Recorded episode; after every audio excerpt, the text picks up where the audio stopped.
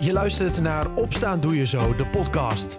De Zo34-podcast die je elke dag bijpraat over de actualiteit in Zuiders-Drenthe. In een klein kwartier ben jij weer helemaal op de hoogte.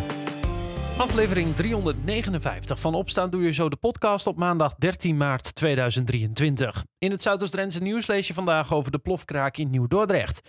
Minstens vier verdachten zouden in de nacht van zaterdag op zondag betrokken zijn geweest daarbij. Zou blijken uit videobeelden waarop verdachten in donkere kleding zichtbaar zijn. Dat meldt de politie. Meer hierover en ander nieuws verderop in de podcast. En dan hebben we het ook over een bijzondere wandeltocht van afgelopen weekend. Qua weer is het vandaag een bijzondere dag. Het is een stuk warmer dan de afgelopen week. Het regent in de ochtend. Smiddags klaart het op en kan de zon af en toe schijnen. Het wordt 15 graden. Afgelopen weekend speelde FCM thuis tegen Excelsior. De heuse degradatiekraken werd door de Emmenaren gewonnen met 2-0. En dat betekent drie belangrijke punten werden binnengesleept. Na afloop sprak sportverslaggever Niels Dijkhuizen met trainer Dick Lukien. En die was natuurlijk blij met de winst. Hoe voelt dit, Dick? Ja, een keer uh, met een lach voor de camera staan is ook wel uh, lekker. Het is een tijdje geleden. Brood nodig en, uh, en, gelukkig doen we dan wat we moeten doen. Ja, ben je dan zo iemand die nu het gevoel heeft van nou, een soort opluchting? Of is het blik al heel snel weer naar volgende week en is de gedachte zo van één zwaluw maakt nog geen zomer? Ja, dat laatste sowieso. wel even van genieten, hè, want er staat natuurlijk altijd druk op wedstrijden, dus dat moet je ook even loslaten. Dus dat ga ik zeker vanavond doen. Maar vanaf morgen ja, gaat die blik wel weer richting Sparta.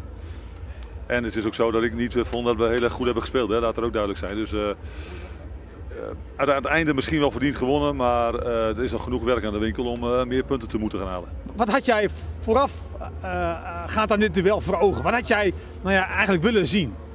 Meer diepgang in, in, zeg maar, aan, aan de contrakant zeker. Dus ik had verwacht dat zij het veld heel klein zouden maken. Dat deden ze ook. Dus dan moet je of in tempo van kant naar kant. Ehm, nou, dat vraagt gewoon comfortabel zijn aan de bal. Dat hadden we, vond ik, niet de eerste helft. In ieder geval niet genoeg. Waardoor je ook geen stationnetje kan overstaan eigenlijk, nee, hè? dus, dus te, veel, te veel tijd nodig om van kant naar kant te komen. En dan kunnen hun middenvelders iedere keer weer belopen in hun vleugels.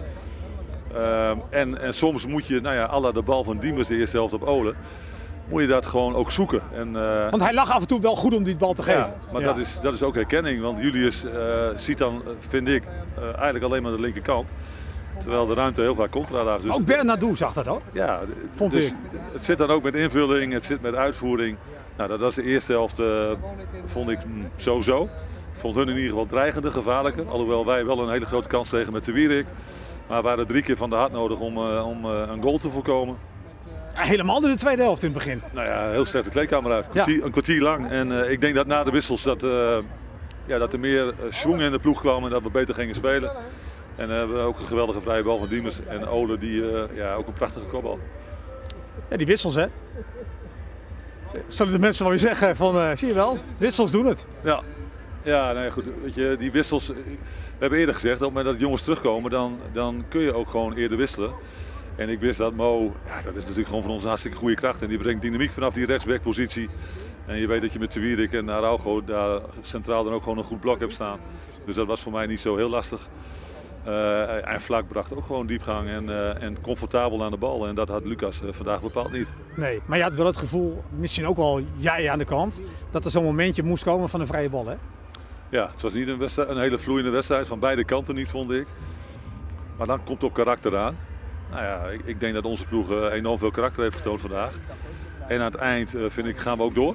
Dan spelen we dus na 1-0 gaan we niet achteroverleunen. Dan spelen we voor de tweede deel. Die maken we op een goed moment.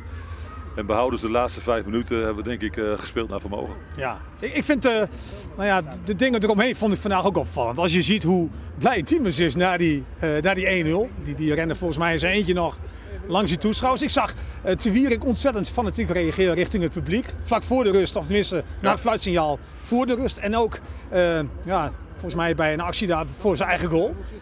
Dat is wel opvallend hè? Nee, maar misschien ja. ook wel nou ja, misschien ook wel heel belangrijk. Ja, maar het is, het is een ongelooflijk team. En die jongens zijn hartstikke betrokken met elkaar en met de club.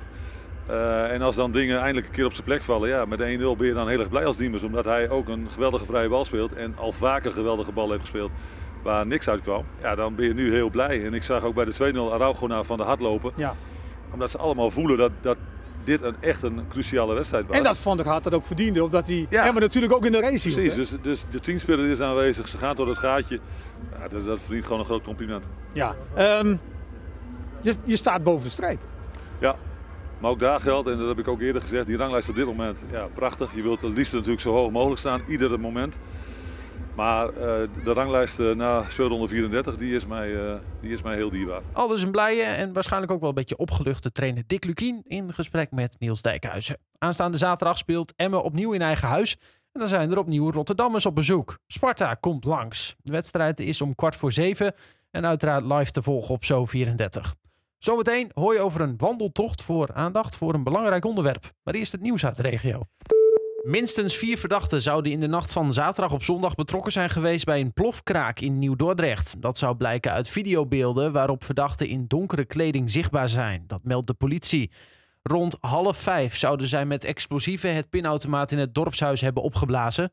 Het is niet duidelijk of er iets is buitgemaakt. Een bestuurslid van het dorpshuis meldt dat de binnen- en buitenkant van het gebouw zijn gereuneerd. Alle 922 bushaltes in Drenthe worden binnen twee jaar rookvrij. Eerst zijn de grotere haltes met 5000 reizigers per jaar aan de beurt. En daarna volgen de kleinere bushaltes. De komende weken komt er voorlichting in de bussen voor de passagiers. Alle haltes krijgen uiteindelijk een rookvrije wegmarkering. De eerste rookvrije halte is afgelopen week al geopend. Die staat in het centrum van Emmen. De boer-burgerbeweging lijkt in Drenthe met afstand de grootste partij te worden bij de verkiezingen van aankomende woensdag. De nieuwkomer staat in een nieuwe peiling van INO Research op 15 zetels. BBB zit nu nog niet in de provinciale staten. Ook de PVV staat op winst. De partij lijkt van drie naar vijf zetels te groeien. Het CDA staat op verlies. Die partij houdt volgens de peiling nog maar één zetel over.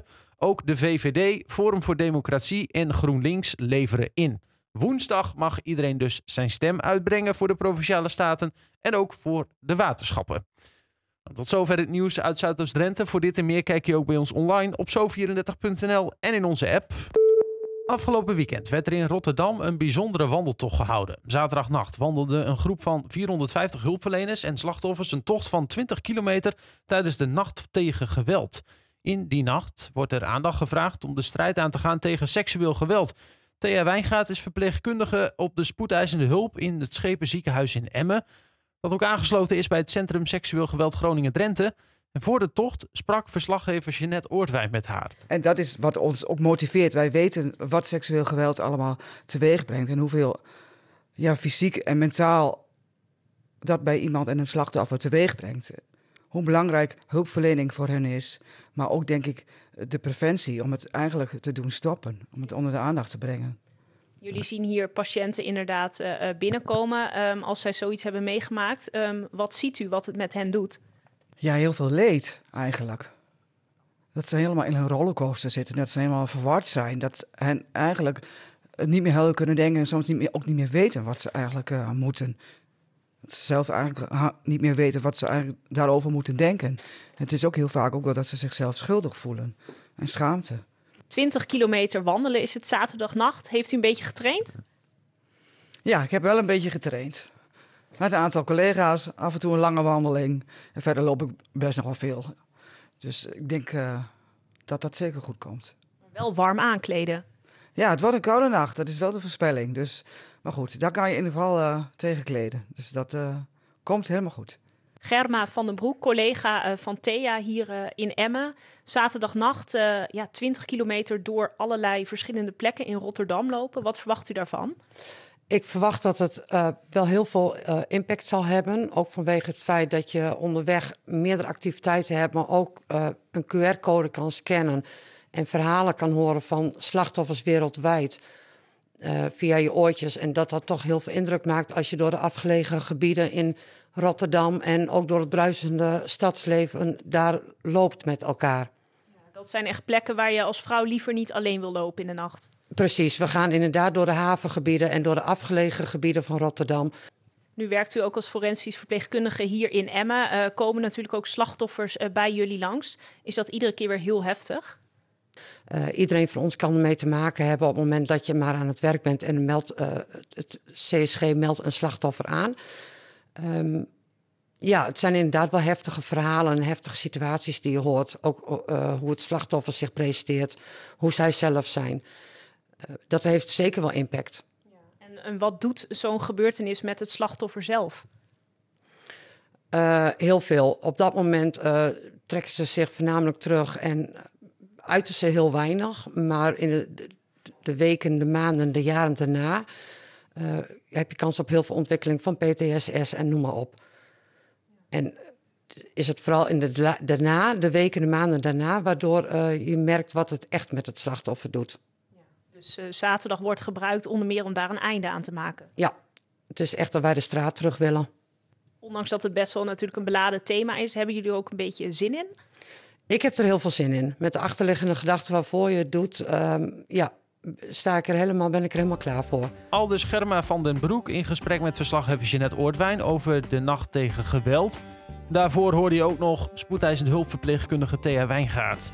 Tot zover de podcast van maandag 13 maart. Morgen een nieuwe aflevering. Graag tot dan en voor nu een fijne dag.